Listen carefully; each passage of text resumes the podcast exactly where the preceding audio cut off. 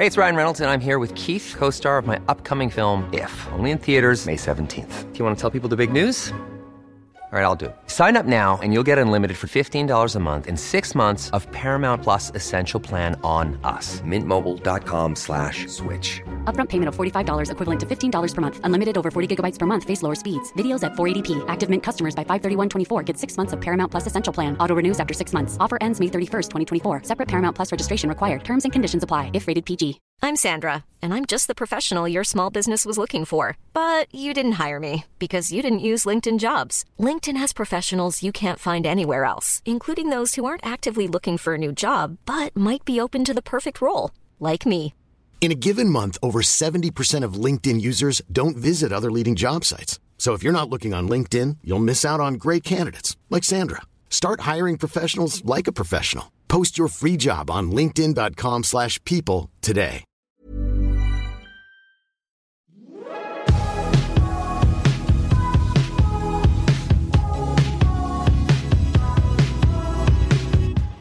Du lyssnar på GVS ljudböcker. Kapitel 20 Skulden Cecilia har en del att läsa innan hon går hem för dagen. Kim sitter också och läser. För övrigt är det tomt på kontoret. Kim gäspar och plockar ihop sina saker och frågar om de ska gå hem. Ja, det är lika bra. De låser dörren och går mot parkeringen. Kim hyr ett rum hos ett äldre par på Storgatan så hon säger hej då och hastar iväg i snålblåsten. Cecilia knyter sjalen lite hårdare runt halsen och skyndar sig att låsa upp bilen. Hoppar in, startar bilen, sätter på värmen på max. Det är lika kallt inne i bilen som utomhus. Hon gnuggar händerna mot varandra och blåser på dem för att få dem att bli lite varma. Telefonen ringer och hon hittar den till slut i sin vänstra bakficka. Tänk att jag aldrig kan lära mig hålla reda på mina saker. Hur många gånger per dag letar jag inte efter min telefon, mina nycklar, pennor och ja, allt mellan himmel och jord, tänker hon. Trots att hon på morgonen kan bestämma sig själv för att idag ska hon alltid lägga telefonen i sin högra jackficka efter varje gång hon har använt den.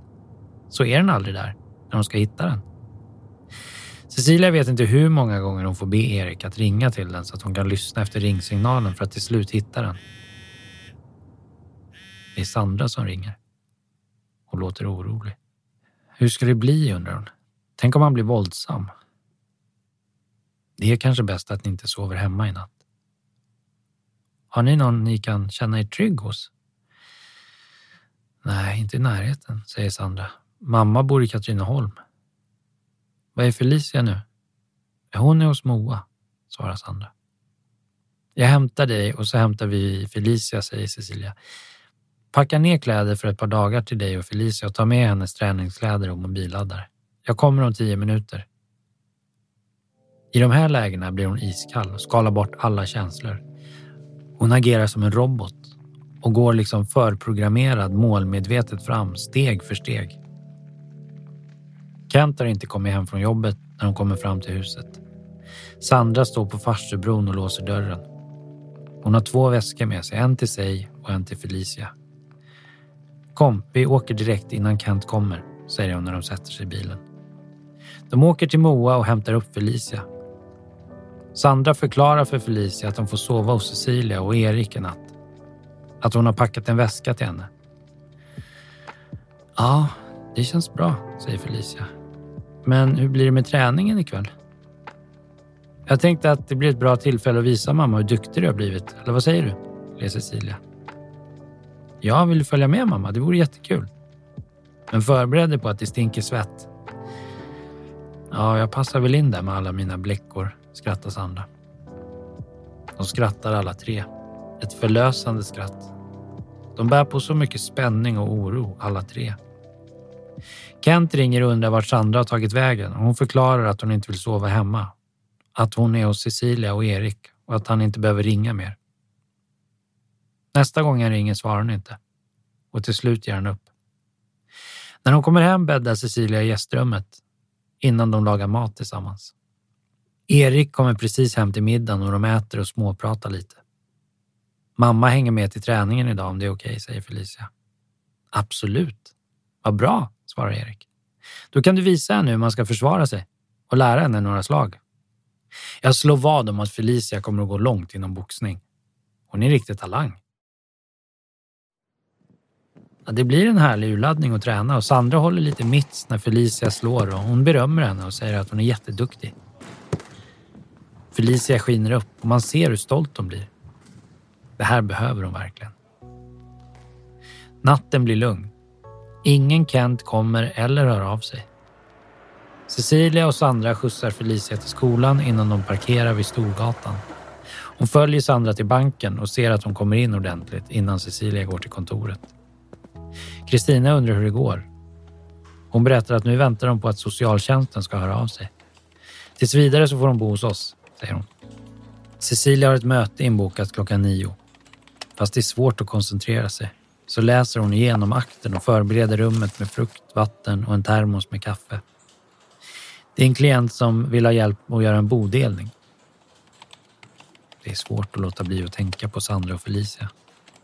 Tankarna söker sig dit hela tiden. Har Kent hört av sig till Sandra? Tänk om han åker till skolan och pressar Felicia? Kommer Sandra att bestämma sig för att sova hemma i natt? Ja, det är inte omöjligt. I så fall kan hon ingenting göra utan att be dem höra av sig om det skulle vara någonting. På eftermiddagen ringer Felicia. Hon har slutat skolan. Jag får inte tag på mamma, säger hon med darrig röst. Okej, okay, jag ska få tag på henne. Kan du promenera hit eller ska du följa med Moa eller Hanna hem, undrar Cecilia. Jag kan följa med Moa hem, säger hon. Bra. Då ringer jag dig när jag får tag på Sandra. Det är säkert ingenting. Ha det bra nu, säger Cecilia innan de lägger på. Sandras telefon är avstängd. Vilket inte behöver betyda någonting utom att hon sitter i ett möte och inte kan svara av den anledningen. Men oron gnager inom henne. Jag går över till banken och kollar hur det är med Sandra, säger hon till Kristina och tar med sig kappan och rusar iväg. Hej! Är Sandra här? frågar hon med andan i halsen när hon kliver in på banken. Nej, hon blev hämtad av sin man för en timme sedan. De skulle åka och handla, sa de. Aha, säger hon och känner hur pulsen ökar. Hon springer till bilen och kör i full fart hem till Sandra och Kent. Tankarna tar henne tillbaka till den gången då mamma ringde och hon rusade utan att tänka. Men hon är så orolig för Sandra. Hon är inte rädd för Kent på det viset som hon var för pappa och nu har hon ingen bebis i magen som hon behöver skydda. Även om förnuftet kanske försöker säga henne att hon inte ska gå dit själv så lyssnar hon inte på den rösten. Det finns inte tid att vänta. Och hon kan i alla fall inte sluta tänka på vad som kan ha hänt. Kent kanske har varit där och hämtat henne. Hon kanske misshandlas just nu. Magen knyter sig när hon ser att Kents bil står på infarten. Hon tar ett djupt andetag och går mot ytterdörren och ringer på dörrklockan. Hej, är det du som kommer nu igen? Det var ett jävla spring på dig. Här får man visst inte vara i fred i sitt eget hus, säger Kent. Han ser rödbrusig ut och håret är rufsigt. Han andas snabbt och pratar lite för fort. Cecilia ser på honom att han är ur balans. Ja, det finns väl en anledning till det. Jag vill bara tala med Sandra. Hon ligger i badet så det går inte, säger hon. Cecilia tränger sig förbi in i hallen och ropar på Sandra men får inget svar. Hon skyndar sig längre in i huset och söker snabbt av rum efter rum. Kent flåsar henne i nacken och säger Hör du inte vad jag säger? Hon vill inte bli störd. Cecilia struntar i att svara. All energi går åt till att leta efter Sandra och hitta henne nu innan det är för sent. Hon öppnar dörren till sovrummet men det är tomt. Hon går mot badrummet och ser att dörren är låst. Hon ropar genom dörren på Sandra och lyssnar efter ljud men Kent överröstar de eventuella ljuden genom att höja rösten och skrika åt henne. Hur i helvete svårt kan det vara att förstå? Hon vill inte bli störd, säger han och tar tag i hennes axel. Du rör inte mig, väser hon och skakar bort hans hand. Hon tar fram en nyckelknippa och vrider upp låset med hjälp av hörnet på metallbrickan som hon har på knippan, öppnar dörren och ser Sandra sittande på golvet hopkrupen i hörnet med händerna över huvudet. Det ljusa håret är blodigt och hon hör hur Sandra kvider. Nu går du ut härifrån, ryter Cecilia mot Kent och visar med hela handen mot dörren. Låt oss vara i fred. Kent lommar ut och säger det var inte meningen, det var aldrig meningen att skada dig, Sandra. Hon sätter sig på huk mitt emot Sandra och tittar på såret i huvudet. Det är inte jättedjupt, men tillräckligt stort för att det behöver sys. Hon får syn på den trasiga vasen som ligger i blodpölen bredvid och misstänker att det är den som förorsakat såret. Den som Kent använt sig av. Lyft upp och med berått mod slagit i huvudet på sin egen fru. Sin fru som han lovade inför Gud att älska i nöd och lust. Som han kysste inför hela församlingen, som han bar över tröskeln till huset de nu bor i. Det som ska vara hemmets trygga vrå. Cecilia känner sig med en så trött. Hon ringer larmcentralen och ber dem skicka hit en polisbil och en ambulans. Hon hjälper Sandra upp och går därefter ut genom dörren med armarna om henne, förbi Kent som nu sitter vid köksbordet och gråter som ett litet barn. Det var inte meningen, Sandra, snyftar han. Ingen av dem säger någonting. Cecilia ser hur ambulanspersonalen tar hand om Sandra. Cecilia sätter sig i bilen och startar tändningen och sätter på värmen. Hon fryser så hon hackar tänder och händerna skakar. Poliserna tar med sig Kent till stationen och den här gången erkänner han redan på vägen mot bilen och hävdar hela tiden att det inte var meningen att skada Sandra. Sandra blir omhändertagen på sjukhuset och får sina skador dokumenterade. Hon gör en polisanmälan och sen åker de och hämtar Felicia hos Moa. Jag skulle ha lyssnat på dig, säger Sandra. Tänk inte på det nu. Det viktigaste är att du anmälde honom den här gången. Och även om det blir jobbigt så måste du gå igenom rättegången för din och Felicias skull. Lova mig att du inte tar tillbaka anmälan den här gången. Cecilia städar badrummet och när hon torkar upp blodet känner hon hur det svindlar till och hon greppar tag i dörrkarmen för att inte falla. Hon blundar och sätter sig ner och andas. Låter tårarna rinna och ser alla minnesbilder bara fara förbi. Som en film. Bilder på mamma, på henne själv, på Sandra och på Felicia. Hon ser pappas iskalla blick och Kents förtvivlade uppsyn när han förstår att allt är för sent. Hon torkar bort tårarna och känner sig tillräckligt stark att resa sig upp. De äter maten som Moas mamma Susanne skickar med. Det är bara lite rester från restaurangen, sa hon. Men det visar sig vara en riktig gourmetmiddag. Gröna paprikor med svampfyllning, ris och tomatsås, broccolipaj och quinoasallad. De äter vid middagsbordet med tända ljus. Hon ser på sina händer och upptäcker att hon fortfarande har lite levrat blod under naglarna, trots att hon skrubbar dem så ordentligt. Det är som om luften har gått ur dem alla tre och de sätter sig i soffan efter middagen med en kopp te och försöker bara reda ut alla frågor. Vad kommer hända nu? Kommer pappa hem ikväll? undrar Felicia. Nej, nu kommer han stanna kvar hos polisen ett tag. Du tar väl inte tillbaks anmälan nu? Nej, den här gången ska jag stå på mig. Jag ska klara det. Det kommer du göra, säger Cecilia och ler och tar hennes hand och trycker den ömt. Du är starkare än du tror, Sandra. Hur känns det att sova hemma nu? Om ni hellre vill så får ni gärna sova hos oss en natt till. Det är bäddat i gästrummet. Tack, nej, det går bra. Eller vad säger du, Felicia? undrar Sandra och klappar henne på kinden. Det går bra, bara han inte kommer hem. Nej, det gör han inte, säger Cecilia. Jag lovar. Tack så jättemycket för all hjälp. Det kommer kännas bra att sova hemma, säger Sandra. Cecilia åker hem till Erik och välkomnar hans varma, trygga famn. Han leder henne till soffan. De sjunker ner och Cecilia känner hur trött hon är. Hon är helt slut. Som en urvriden disktrasa. Tänk om jag aldrig hade åkt dit. Då hade allt varit annorlunda. Erik förstår vad hon menar. Att hon inte menar till Sandra idag. Han vet att hon pratar om den där onsdagen den 18 november 1992. Tänk inte på det. Du gjorde ditt bästa, det vet du, säger han och kysser henne ömt på pannan. Hur många gånger har hon inte tänkt samma tanke om och om igen? Varför åkte jag dit? Tänk om jag bara hade väntat till polisen kom. De fick missfall den där dagen och de var helt otröstliga. Erik och Cecilia. Han var mest arg och förbannad på pappa och hela rättsväsendet som inte gav honom ett längre straff. De försökte genom åren att bli med barn igen, men det ville sig inte. De blev aldrig föräldrar, Erik och Cecilia.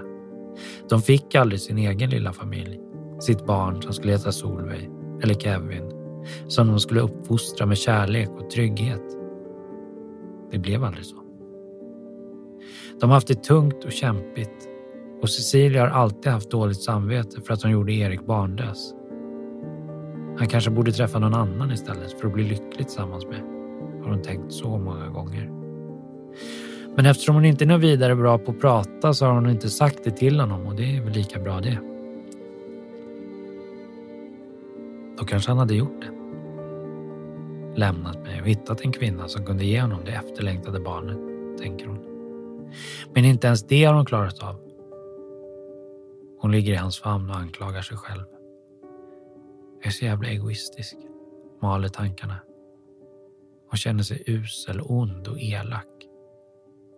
Det är det som tynger henne. Det som kommer tillbaka varje höst. Och hur hon än försöker jobba med det så går det inte bort. Ingen terapeut i världen, ingen KBT, ingen kan ta det ifrån henne. Hon hatar det. Men det har blivit en del av henne nu. Det mörka, det otröstliga, att hon vet att hon varje år måste gå igenom det, att det är hennes ok att bära. Ibland blir hon galen på Erik. Varför han tillåter henne att vara ledsen. Det är ju hennes fel. Hur kan han vara så förstående? Så tålmodig och snäll. Hur många gånger har hon inte tänkt att hon nog vore värd en smäll? Att han borde med all rätt slå henne gul och blå. Det är han som ska vara ledsen. Men det säger hon inte till honom förstås. För prata känslor är inte Cecilias starka sida. Inte alls. Hon blir arg på sig själv för att hon är så patetisk och så ynklig. Nu ska jag rycka upp mig, tänker hon. I år ska jag hålla humöret uppe och inte slukas av det mörka hålet. De har försökt resa till värmen och solen vissa år för att på det viset tvinga bort mörkret ur sinnet. Men det har inte heller lyckats. Erik kysser henne och rättar till en hårslinga som fallit ner över ögonen på henne. Han trycker sin trygga, varma kropp mot hennes och hon suckar. Det är som om han ger henne konstgjord andning. Hon känner hur trycket över bröstet lättar en aning och tröttheten tar vid och Cecilia somnar där i hans famn. Han lyfter upp henne försiktigt och bär henne till sovrummet, bäddar ner henne i sängen och lägger sig bredvid. De somnar tätt ihop. Och när de kommer att vakna nästa morgon är det den första december och då borde det värsta vara över. Den mörka hösten som slukat hennes energi kommer förhoppningsvis då att bytas ut mot en fridfull jul med tända ljus och god mat. Hon ser fram emot att träffa Eriks föräldrar som kommer att fira jul hos dem.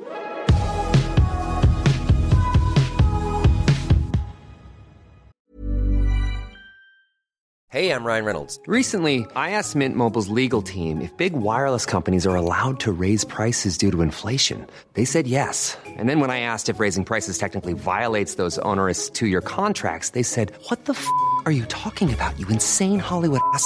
So to recap, we're cutting the price of Mint Unlimited from $30 a month to just $15 a month. Give it a try at mintmobile.com slash switch. $45 upfront for three months plus taxes and fees. Promo for new customers for limited time. Unlimited more than 40 gigabytes per month. Slows. Full terms at mintmobile.com. Burrow's furniture is built for the way you live. From ensuring easy assembly and disassembly to honoring highly requested new colors for their award-winning seating, they always have their customers in mind. Their modular seating is made out of durable materials to last and grow with you. And with Burrow, you always get fast, free shipping. Get up to 60% off during Burrow's Memorial Day sale at burrow.com slash ACAST. That's burrow.com slash ACAST. burrow.com slash ACAST.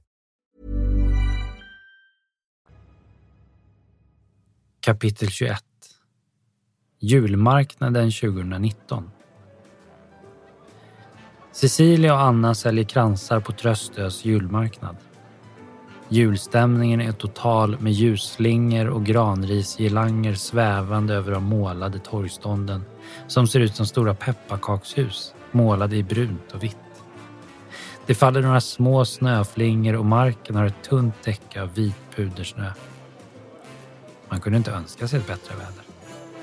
Marschallerna brinner och doften av ljus blandar sig med pepparkaksdoft, kaffe och glögg. Det är många som har kommit och försäljningen är i full gång när Cecilia plötsligt blir avbruten av att hon ser en man som liknar hennes pappa gå förbi ståndet. Han ler och tittar på henne då han fortsätter förbi stånden och går sakta ner för kyrkbacken. Cecilia darrar i hela kroppen och känner sig illamående. Hon står kvar, som fastfrusen i marken och försöker tänka klart. Var det pappa hon sett gå ner för kyrkbacken? Var det verkligen han eller var det någon som påminde om honom? Det var 28 år sedan hon såg pappa senast. Det var då han misshandlade och sparkade henne i magen så att hon fick missfall. Det var efter det hon fick leva otröstlig i vetskapen om att hon aldrig skulle få något barn. Erik och hon skulle förbli barnlösa. Cecilia har inte hört någonting från mamma det senaste året. Hon brukar i vanliga fall skicka ett julkort, men det har inte kommit något än. Men det är ju bara den 7 december så kanske kommer ett kort närmare jul.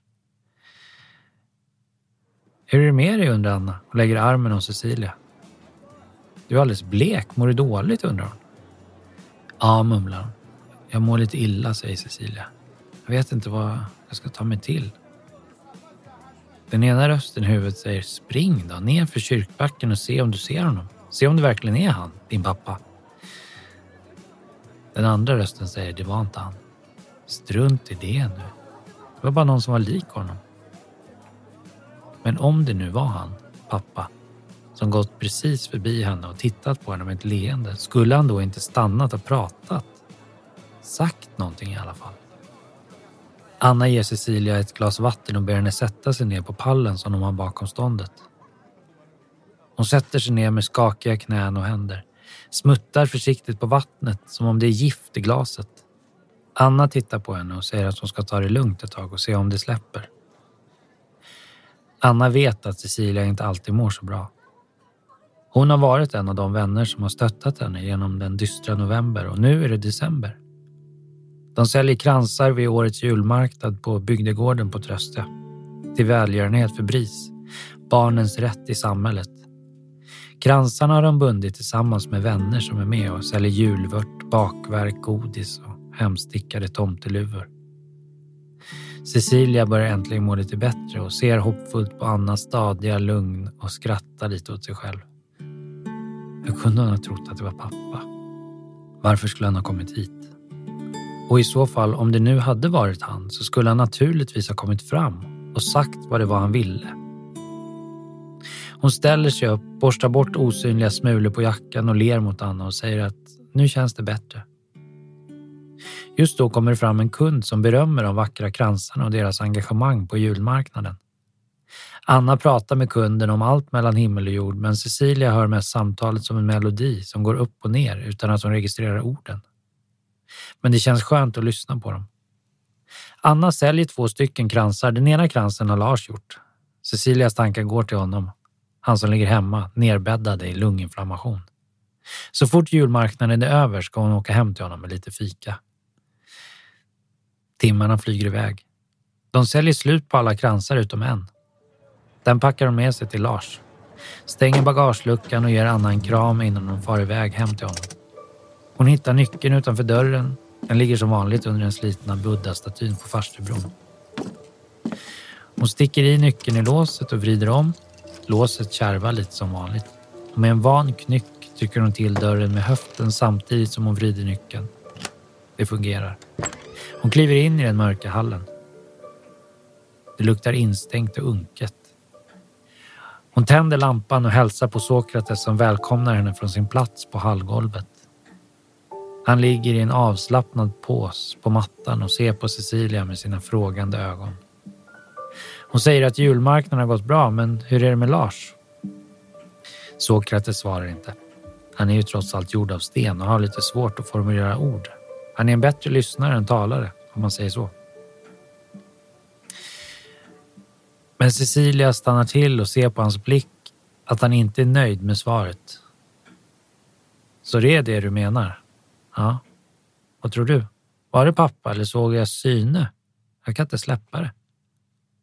Usch, kan det ha hänt något med mamma? Borde jag försöka få tag på henne? Nej, jag orkar inte. Inte nu. Just nu är det Lars jag oroar mig för. Okej, det räcker så. Tack för att du frågade, tillägger hon lite ångerfullt för att hon visat irritation mot Sokrates. Hon böjer sig ner och stryker honom över den kalla stenkinden innan hon tar ett djupt andetag och ropar Halloj! Samtidigt som hon hänger av sig ytterkläderna. Det hörs ett sömndrucket Hej!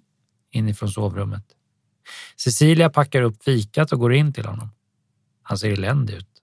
Alldeles grå i ansiktet och kinderna är insjukna. Han ligger i den slitna 120 cm sängen. Täcket har åkt ur påslakanet som fallit ner och ligger på golvet i en hög. Kroppen har sjunkit ner i madrassen och täcket har han dragit upp till hakan. Hej, hur är det idag? säger Cecilia och hjälper honom att sätta på det blommiga påslakanet på täcket och bädda om honom. Jo, man ska inte klaga, svarar Lars och börjar genast att hosta. Han försöker sätta sig upp och Cecilia hjälper honom att stoppa in en kudde bakom huvudet på honom. Han känns varm i nacken och håret är flottigt. Hur gick det för er? Sålde ni några kransar? Hon berättar om julmarknaden och häller upp kaffe och ger Lars en bit saffranskaka och en kopp kaffe med mjölk. Lars smuttar på kaffet och äter knappt upp halva kakan. De pratar på om vilka som kom på julmarknaden och hur det är på jobbet. Lars berättar om en ljudbok som han har lyssnat på. Han säger att det är bra grejer det där med ljudböcker. När man inte ens har ork att hålla upp ögonen, än mindre ork att hålla i själva boken. Lars har varit hemma i två veckor. Det verkar inte som om antibiotikan funkar så värst bra. Du måste ringa om du mår sämre. Om du måste in på sjukhuset så kör jag dig. Ja, ja, du vet vad du gör. Men jag har det bäst här hemma. Om du vill kan du få vattna blommorna innan du går, säger Lars och berättar vart vattenkannan står. Cecilia vet mycket väl vart vattenkannan står.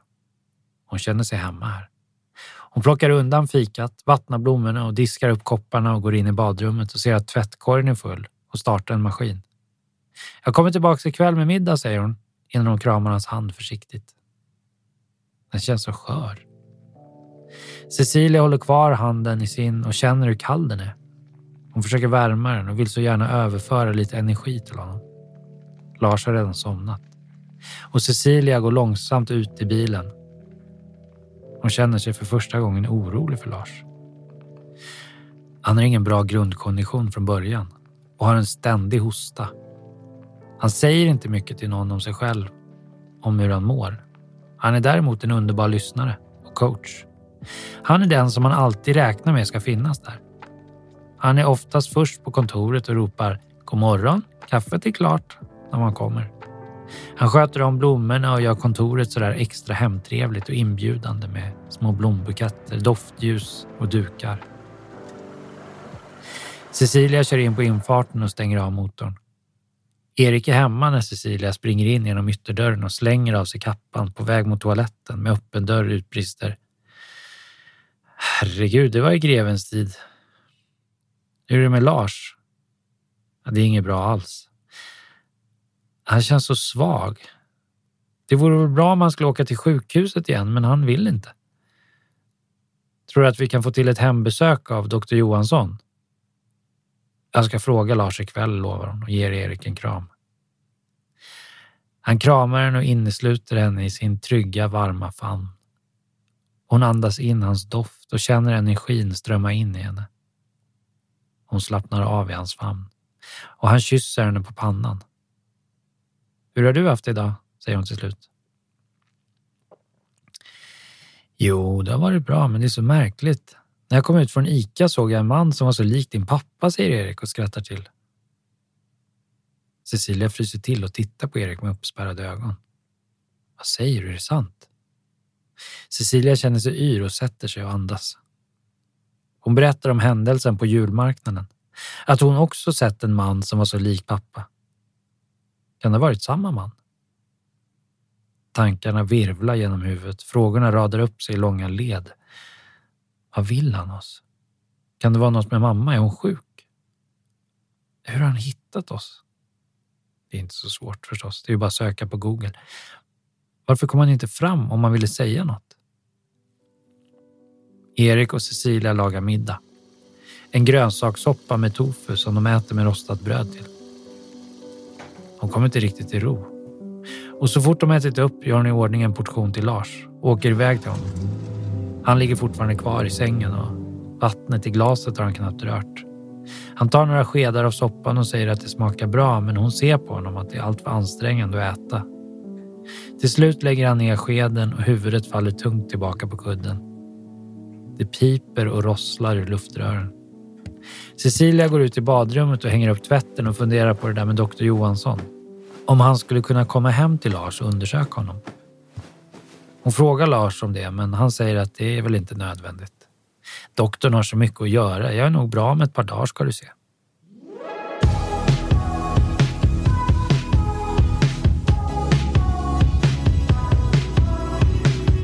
Du kan även lyssna på den här boken utan reklam på Bookbeat, Storytel, Nextory, Bookmate eller låna den på biblioteket via Overdrive. Even when we're on a budget we still deserve nice things. Quince is a place to scoop up stunning high-end goods for 50 to 80% less than similar brands. They have buttery soft cashmere sweaters starting at $50, luxurious Italian leather bags, and so much more. Plus, Quince only works with factories that use safe, ethical, and responsible manufacturing. Get the high-end goods you'll love without the high price tag with Quince. Go to quince.com/style for free shipping and 365-day returns.